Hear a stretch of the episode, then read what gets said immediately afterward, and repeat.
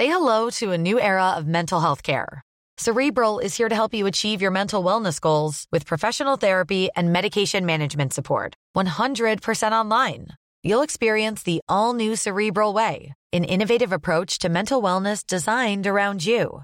You'll get a personalized treatment plan from a therapist, prescriber, or both in a safe and judgment free space. Your cerebral therapist or prescriber will outline a customized plan with clear milestones along the way so you can get to feeling your best. With Cerebral, you're not alone in your mental health journey. We're here to empower you to live a fulfilling life. So take that first step towards a brighter future and sign up today at cerebral.com slash podcast and use code ACAST to get 15% off your first month. Offer only valid on monthly plans. Other exclusions may apply. Offer ends July 31st, 2024. See site for details.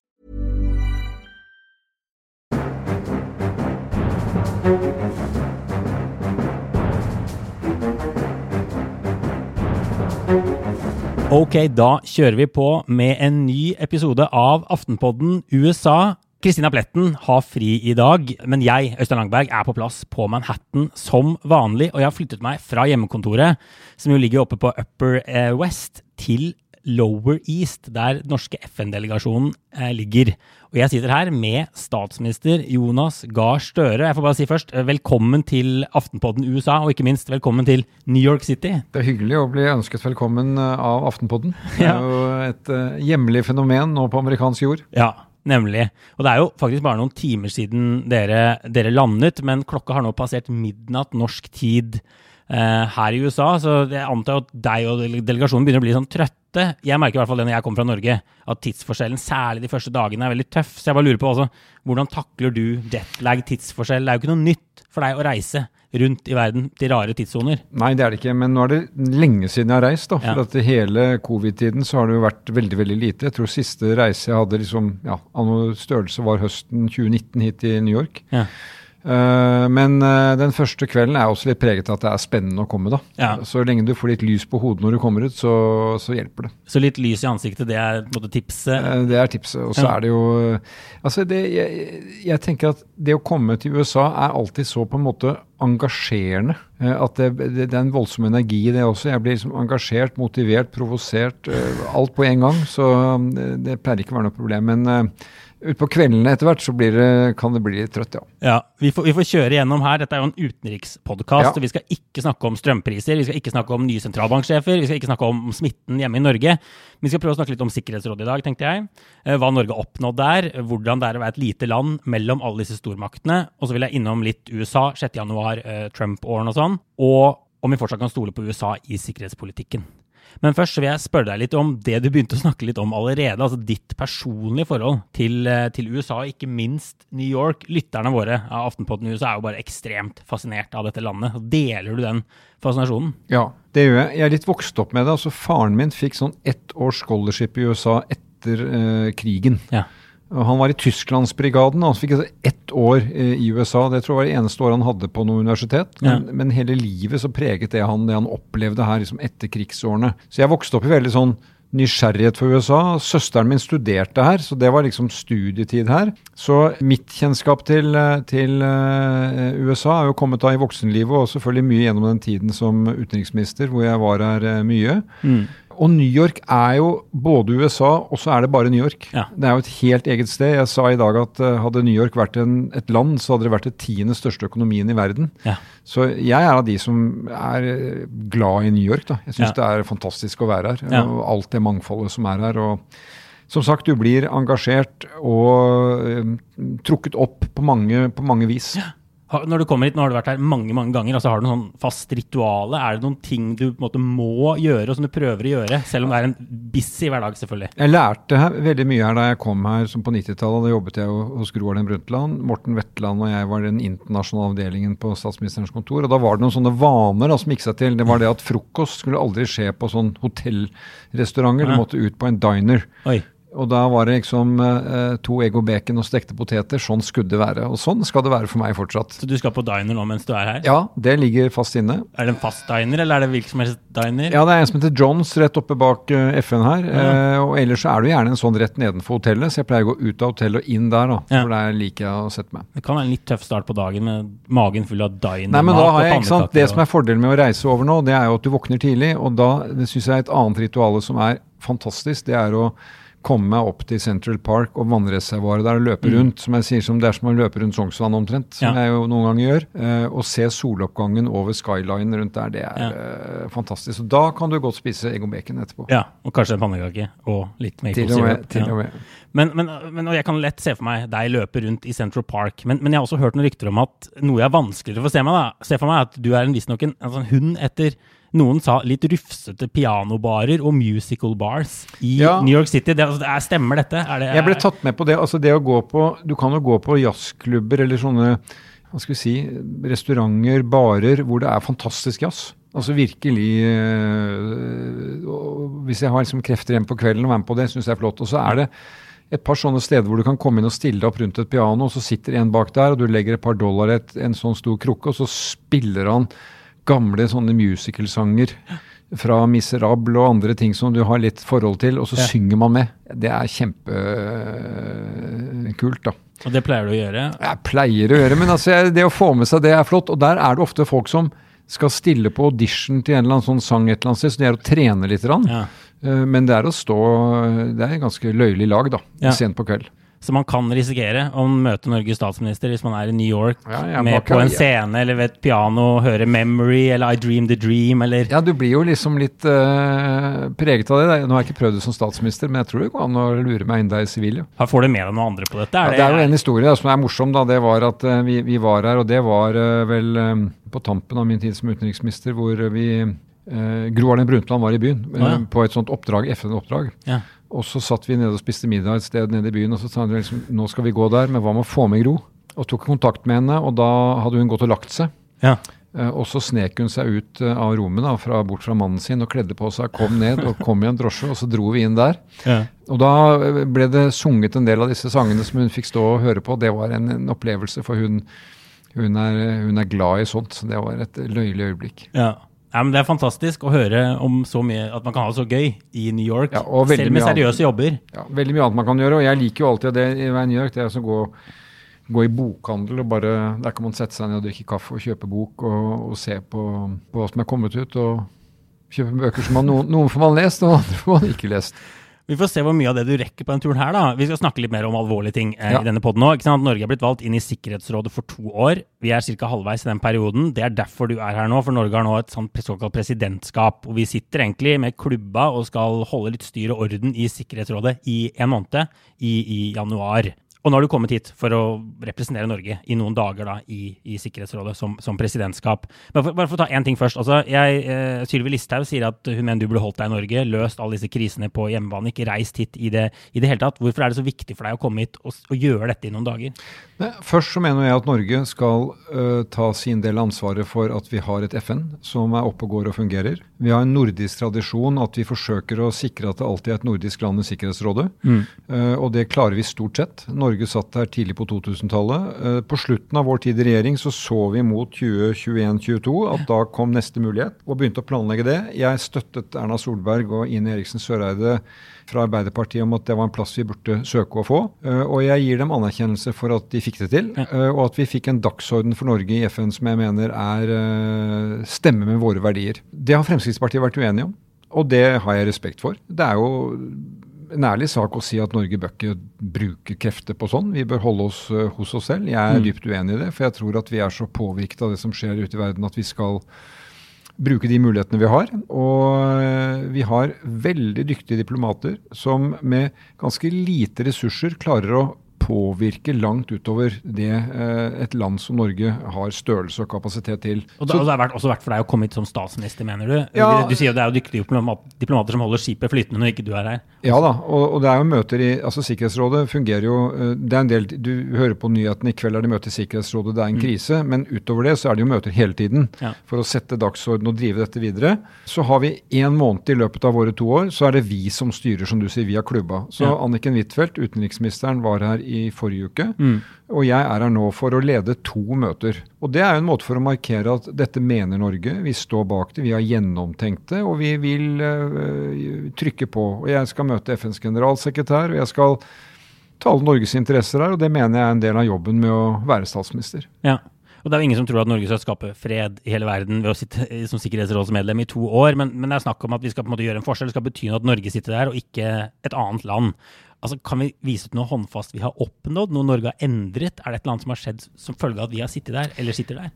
Jeg skal bare ta et par eksempler, hvis jeg skal nå være litt sånn eh, i, i, i stil med å være litt sjenerøs her, så vil jeg anerkjenne det de fikk til under den forrige regjeringen, da det var Gaza-krise eh, i fjor. Da klarte norske diplomater her, sammen med kinesiske diplomater og andre, å legge til rette for at man fikk en framdrift mot en våpenhvile. Eh, Og det tror jeg Norge bidro til, fordi vi har kontaktnettverk eh, som, som teller.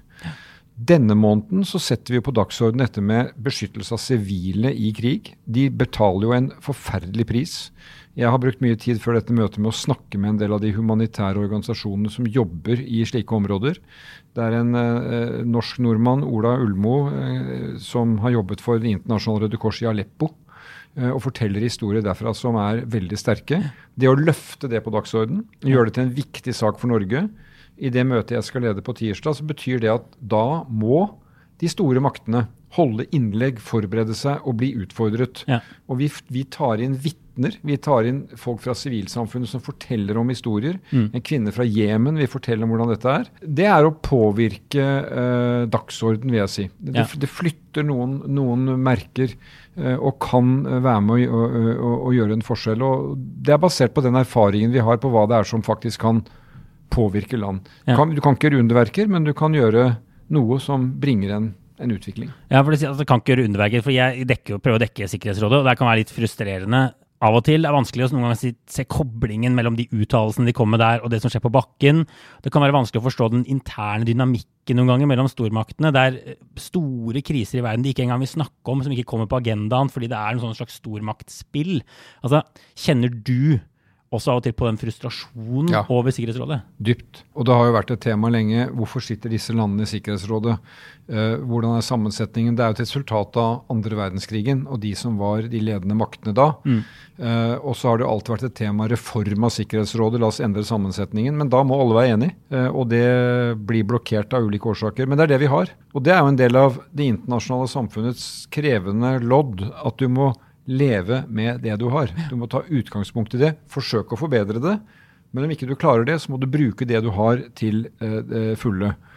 Og, det, har en rolle å spille det Sikkerhetsrådet vi har i dag. Ja, men jeg har jo eh, sånn ment f.eks. det som har skjedd krigføringen rundt Syria, eh, så har det jo vært kjent Har det vært liksom gjentagende det at ett land klarer å blokkere enighet, og da kommer det ikke uttalelser i Sikkerhetsrådet. Men det betyr ikke at alt står stille allikevel.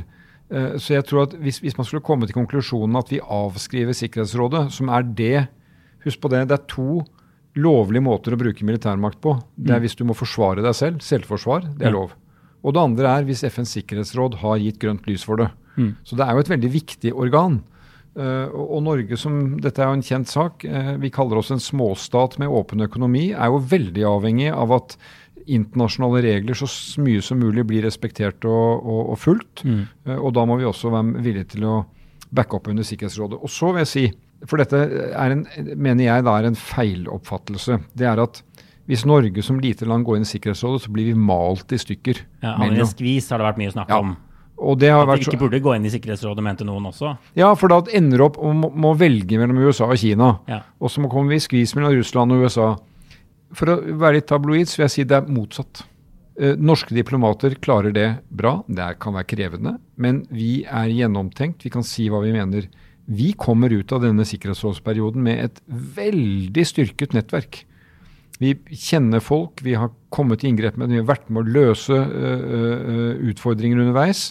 Uh, og vi, uh, vi, viser hva vi duger til. Ja. Og det mener jeg isolert sett for Norge, bare for Norges del, så er det en, en stor fordel og ikke en ulempe. La meg bare spørre deg. Et av møtene du skal lede her, handler om Afghanistan. Og handler egentlig litt om hvilken rolle FN skal spille i Afghanistan fremover. Men samtidig, da, som du er her, så har jo Taliban blitt invitert til Norge for forhandlinger. Eh, samtaler, i hvert fall. De har ankommet i privatfly. Hele besøket koster 7 millioner kroner, som norske staten, altså norske skattebetalere, skal eh, betale. Og det har ikke bare blitt tatt godt imot. Så forstår du at mange hjemme reagerer på at Taliban har kommet til Norge i, ja. i, et, i et, privatfly. Disse menneskene som jo har vært Norges, Norge har krig, kriget mot i, ja. i, mange mange år. Jeg forstår det. Og det er ikke lett for noen av oss å se at Taliban øh, sånn sett øh, kommer til et møte i Norge. De er jo ikke da primært i Norge for å møte Norge.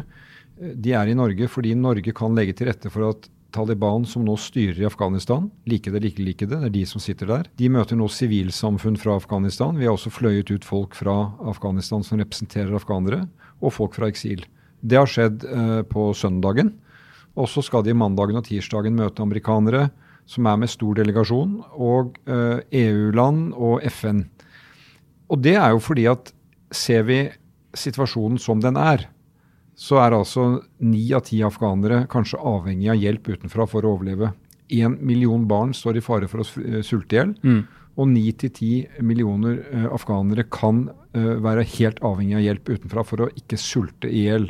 Med den situasjonen og med den forhistorien vi har, så mener jeg at hvis Norge kan bidra til, og det er ikke mange som kan det, vi kan det, til å si at her er de er ansvarlige for de som i dag styrer Afghanistan, på et tilstrekkelig nivå til at de kan forplikte dem. Nå skal de møte afghanere og det internasjonale samfunnet, og vi skal prøve å gjøre en forskjell. Ja. Vi gir 600 millioner kroner i utviklingshjelp eh, for å hjelpe afghanere. Så om vi bruker sju av dem for å få et møte som kan gjøre en stor forskjell, så mener jeg det er riktig å satse på. Dette har ingen garanti for å lykkes. Nei, altså, Sylvi Listhaug mener jo at du er, er, naiv, at dette er naivt å tro at man skal få ja. Taliban til å bry seg om kvinnerettigheter, menneskerettigheter. Det skriver hun i hvert fall på Facebook. Ja, Men det som ikke er naivt, det er å se for seg at millioner afghanere kan dø av sult. Uh, og det kommer til å være kvinner, barn og menn. Mm. Uh, en av de sakene som blir sagt på dagsordenen i dag, det er jo kravet om at kvinner skal gå på skole. Og Taliban må forstå at hvis de skal få noe type uh, sirkulasjon med resten av verden, så må det leveres. Så da blir det jo mellom Sylvi Listhaug og meg da, at hvis Sylvi Listhaug tror at hennes Facebook-innlegg får Taliban til å ta kvinner inn på skolene, så bør hun prøve det. Eh, jeg mener vi bør prøve det, pluss at vi bør engasjere dem på en måte som gir dem noen valg som de ikke kan komme unna. Hvis de vil være et, et styre i framtiden som verden skal forholde seg til, vi mm. anerkjenner dem ikke, vi gir dem ikke penger, så er de nødt til å følge noen spilleregler. Og da må vi rett og slett eh, sette dem i stevne, utfordre dem og holde dem ansvarlig. Say hello to a new era of mental health care. Cerebral is here to help you achieve your mental wellness goals with professional therapy and medication management support. 100% online. You'll experience the all new Cerebral Way, an innovative approach to mental wellness designed around you. You'll get a personalized treatment plan from a therapist, prescriber, or both in a safe and judgment free space. Your cerebral therapist or prescriber will outline a customized plan with clear milestones along the way, so you can get to feeling your best. With Cerebral, you're not alone in your mental health journey. We're here to empower you to live a fulfilling life. So take that first step towards a brighter future and sign up today at cerebral.com slash podcast and use code ACasts to get 15% off your first month. Offer only valid on monthly plans. Other exclusions may apply. Offer ends July 31st, 2024. See site for details. Hey, I'm Ryan Reynolds. At Mint Mobile, we like to do the opposite of what Big Wireless does. They charge you a lot we charge you a little. So naturally, when they announced they'd be raising their prices due to inflation, we decided to deflate our prices due to not hating you.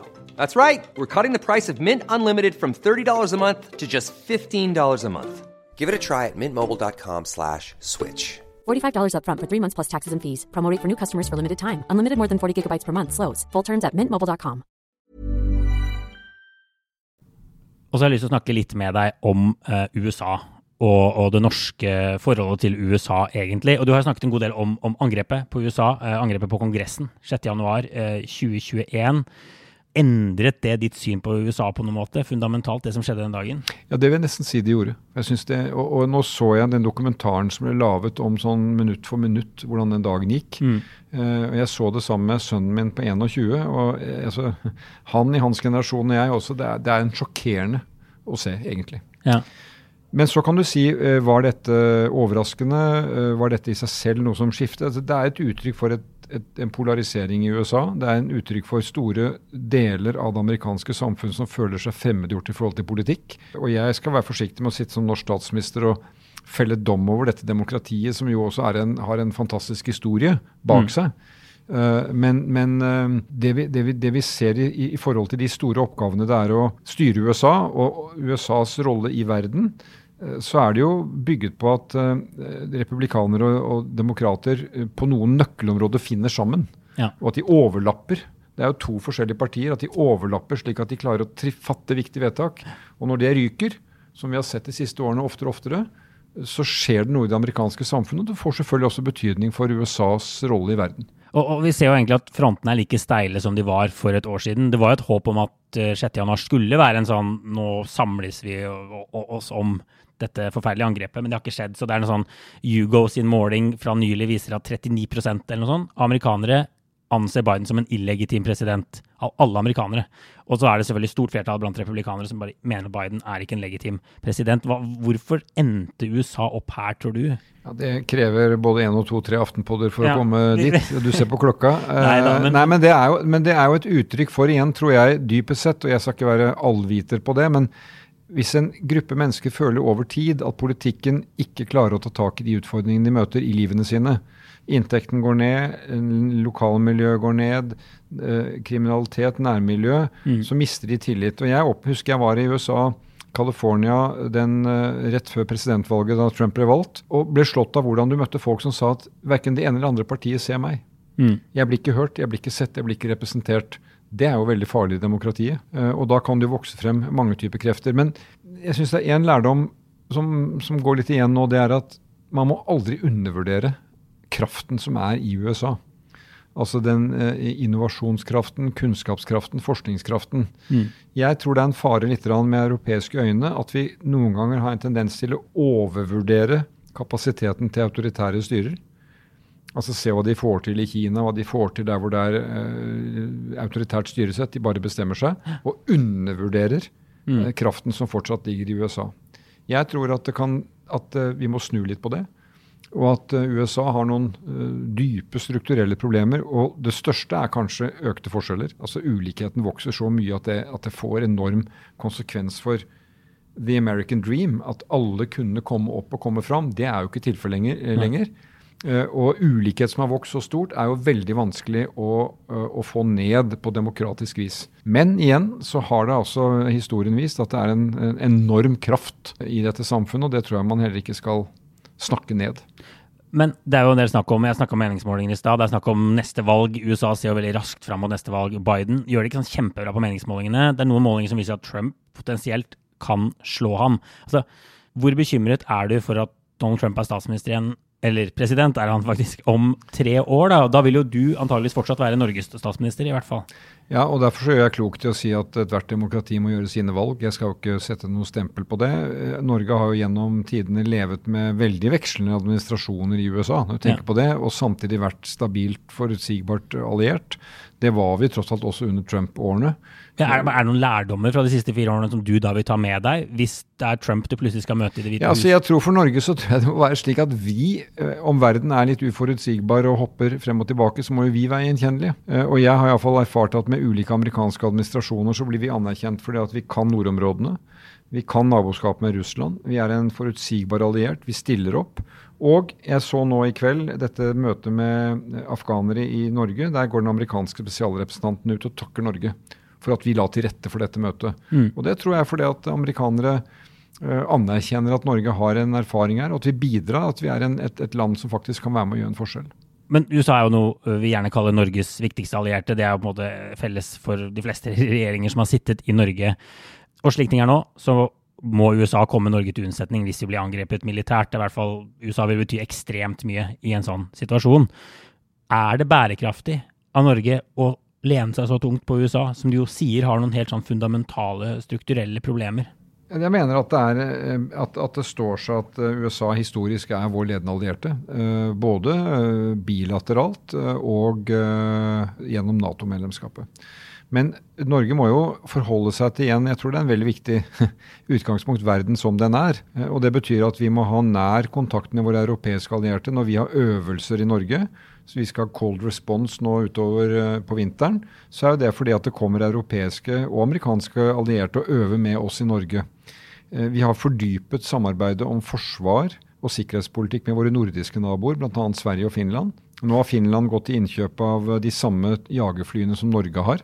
Eh, det er en veldig uh, gjensidighet i det. Mm. Det var en, en, type samarbeid du ikke kunne sett for deg for, 20, 30 år, for 30 år siden, eller mer. Men Handler det om at Norge kjøper seg flere forsikringer, fordeler risikoen litt mer? Ikke alle eggene i Det handler om at vi forholder oss til den, den verden vi har i, Nato-medlemskapet, uh, forhold til USA, men også utdypet forhold til uh, europeiske partnere. Du, altså Det å legge alle egg i én kurv, det, det, altså kurven må være stor nok, og du må kunne ha flere egg. Ja. Du, jeg bare hadde eh, tidligere utenriksminister Ine Eriksen Søreide på denne poden i høst. Eh, og jeg har også snakket med henne tidligere i høst, da Anniken Huitfeldt var på besøk her. Og Søreide da sa da at hun reagerte på den regjeringsplattformen dere laget, eh, bl.a. at dere ikke nevner USA i den, eller styrking av det transatlantiske forholdet.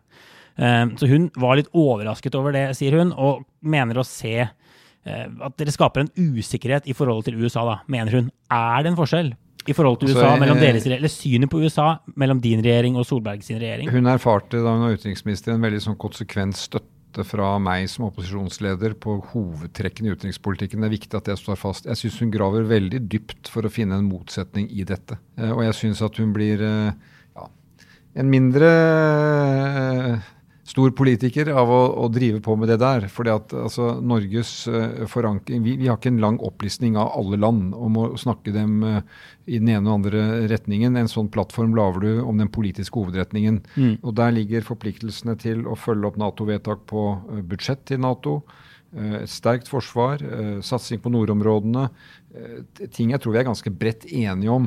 Så jeg tenker at i politikken så skal man uh, si fra om uenigheter også i utenrikspolitikken. Det er en ærlig sak, og der har vi noen uh, punkter hvor det kan være det. Men det å lage sånne politiske uh, punkter ut av dette, det, det er ikke ja, det er ikke klokt, egentlig. Jeg, jeg, jeg, vil avvise at det er noen, no, noe poeng å markere det. Så dere vil ha akkurat samme forhold til USA som den forrige regjeringen? Fordype samarbeidet med USA, eller vekter dere ting litt annerledes med f.eks. forhold til Russland og omtalen av det? Nei, men vi, vi, vi, vil ha et nært forhold til USA, og så vil vi si fra til USA på områder hvor vi måtte være uenige. Det har vi jo mm. kunnet gjøre, det tror jeg den forrige regjeringen også la vekt på. Men at forholdet til USA, alliansens forsvarssamarbeidet, de grunnleggende avtaler vi inngår med USA, materiellsamarbeidet, det er, vi jo, det er en lang linje. Der har de fulgt opp vår regjeringskurs, og vi følger opp osv.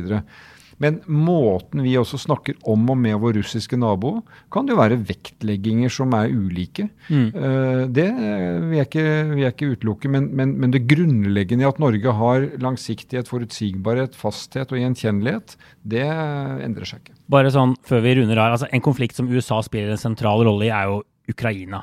Og det som foregår uh, der, Russlands innblanding, vi får si ja, faren for krig. Uh, og Der ser vi at det er en uenighet blant Nato-allierte over hvordan, bl.a. om man skal gi ukrainerne våpen, f.eks. Uh, altså Tyskland på et annet sted enn USA. Er denne uenigheten skadelig i den vestlige alliansen? Det er demokratier vi snakker om. De kan ha ulike vektlegginger. Det som jeg tror står fram nå, er at de eh, Nato-allierte står veldig sammen. Og jeg vil jo berømme amerikanerne for at de i denne konflikten har vært veldig dyktige til å konsultere europeerne grundig. Eh, vi har jo hatt samtaler med amerikanerne bilateralt. Jeg er jo bedt om invitert ned til Washington under dette besøket for å møte Joe Bidens sikkerhetspolitiske rådgiver mm. Eh, som en del av den konsultasjonen. Og de konsulterer med Norge og Norden sammen veldig positivt. Og at det er ulike vektlegginger mellom europeiske land, tror jeg vi skal Når det gjelder sånn forsvarshjelp og militærhjelp, det er jo ikke noe Norge prioriterer, f.eks. Vi, vi gir jo støtte til Ukrainas eh, uavhengighet, selvstendighet og rett til å kunne ha sitt selvstendige styre. Mm. Men det, vi har ulike roller og erfaringer, og jeg vil holde fast ved at for Norges del, og det tror jeg blir respektert, så er det å ha våre øyne og ører i nord. Og kunne følge med på hva som skjer der, og sikre stabilitet ved, ved de grensene og de viktige geopolitiske områdene som er i nord. Men noe av uenigheten går vel på litt synet på Russland, Russlands historie og egentlig historiefortelling om hvilken plass eh, landet fortjener. Altså, har du, du for eksempel, noen forståelse for Vladimir Putins syn om at Russland føler seg truet av Nato? Altså Russland, Vi må forstå at Russland er i en enorm omforming historisk, når du ser på landets historie. Og Sånn sett er det kort tid tilbake igjen til, til det som skjedde på 90-tallet. Eh, det som eh, vi bør, vi bør, medvirke til, det er at Europa, har et sikkerhetssystem der ingen land skal føle seg truet, og alle skal føle seg inkludert. Mm. Og Jeg ser ingen grunn til at Russland skal se seg truet av Nato. De landene som har gått inn i Nato, har gjort det etter eget valg. De, de går i demokratisk retning, eh, og de samarbeider og er utadvendte. Og de har tatt sine frie valg. Samtidig så mener jeg at vi bør ha en aktiv linje med også å inkludere Russland i sånt samarbeid. Uh, og det, det, det, har jo Norge vist at vi har kunnet gjøre bilateralt med å gjøre ting i grenseområdene i nord uh, som mange andre land ikke har klart å gjøre som grense mot Russland. Men Russland må se seg selv i speilet også. Den mm. måten eh, Russland under Putin har opptrådt på overfor sine naboer, måten de spiller sine kort, måten de utvikler seg i en autoritær retning, og måten demokrati har vanskelig kår, gjør jo at land rundt kan få usikkerhet. De mm. må også se at det bildet vokser. Uh, og så må vi bruke den politiske verktøykassa vår. Det hører ikke hjemme i Europa all, på 2020-tallet at vi skal ha enorme kraftsamlinger militært for å markere poeng. Uh, det er gjennom samtaler vi kan få til tillitsskapende tiltak, nedrustning uh, og konfliktdemping. Bra. Nå endte vi en USA-podden litt eh, langt ned i Europa og Russland, men det er lov på, på utenrikspodder. Eh, til slutt så pleier vi å ha en sånn runde med obligatorisk refleksjon. Og jeg er egentlig glad for å slippe å reflektere hver eneste uke, men har du en anbefaling? Er det et eller annet du holder på med å lese, eller et sted folk jeg, jeg, skal si, jeg skal ta utgangspunkt i mitt siste besøk, for jeg hadde sånn fullt besøk i, i New York for var da høsten 2019. To ting husker jeg derfra. Det ene var at jeg gikk og så musicalen Hamilton. Ja som er noe av det flotteste jeg har sett. Jeg har sett den nå tre ganger, tror jeg. Det, ja. Jeg synes det er helt fantastisk. Ja. Det er dyrt. Det er dyrt. Jeg så den faktisk i Miami en gang. Det er et triks. Det er litt billigere. Ja, ja, men altså, det, det, er noe av det Det var veldig flott, da. Eh, fin musikk og en viktig historie. Og da, som forlengelse av det, så var jeg på en av mine bokhandleturer sånn, så kjøpte jeg biografien om Thomas Jefferson. Ja. Og så tenkte jeg at dette er typisk en bok som veier mye, og jeg kommer ikke til å få lese den. Men jeg leste den. Ja. Det var en sånn øh, prisvinnende biografi. Og det fascinerende med å lese den boka var jo da at du fikk liksom inn veldig direkte hva som skjedde i denne statsdannelsen. Hvordan demokratiet ble til, og hvordan mange av kimene til det som i dag USA sliter med, lå i statsdannelsen. Mm. Hvordan liksom de ikke fikk løst uh, raseskilleproblemet.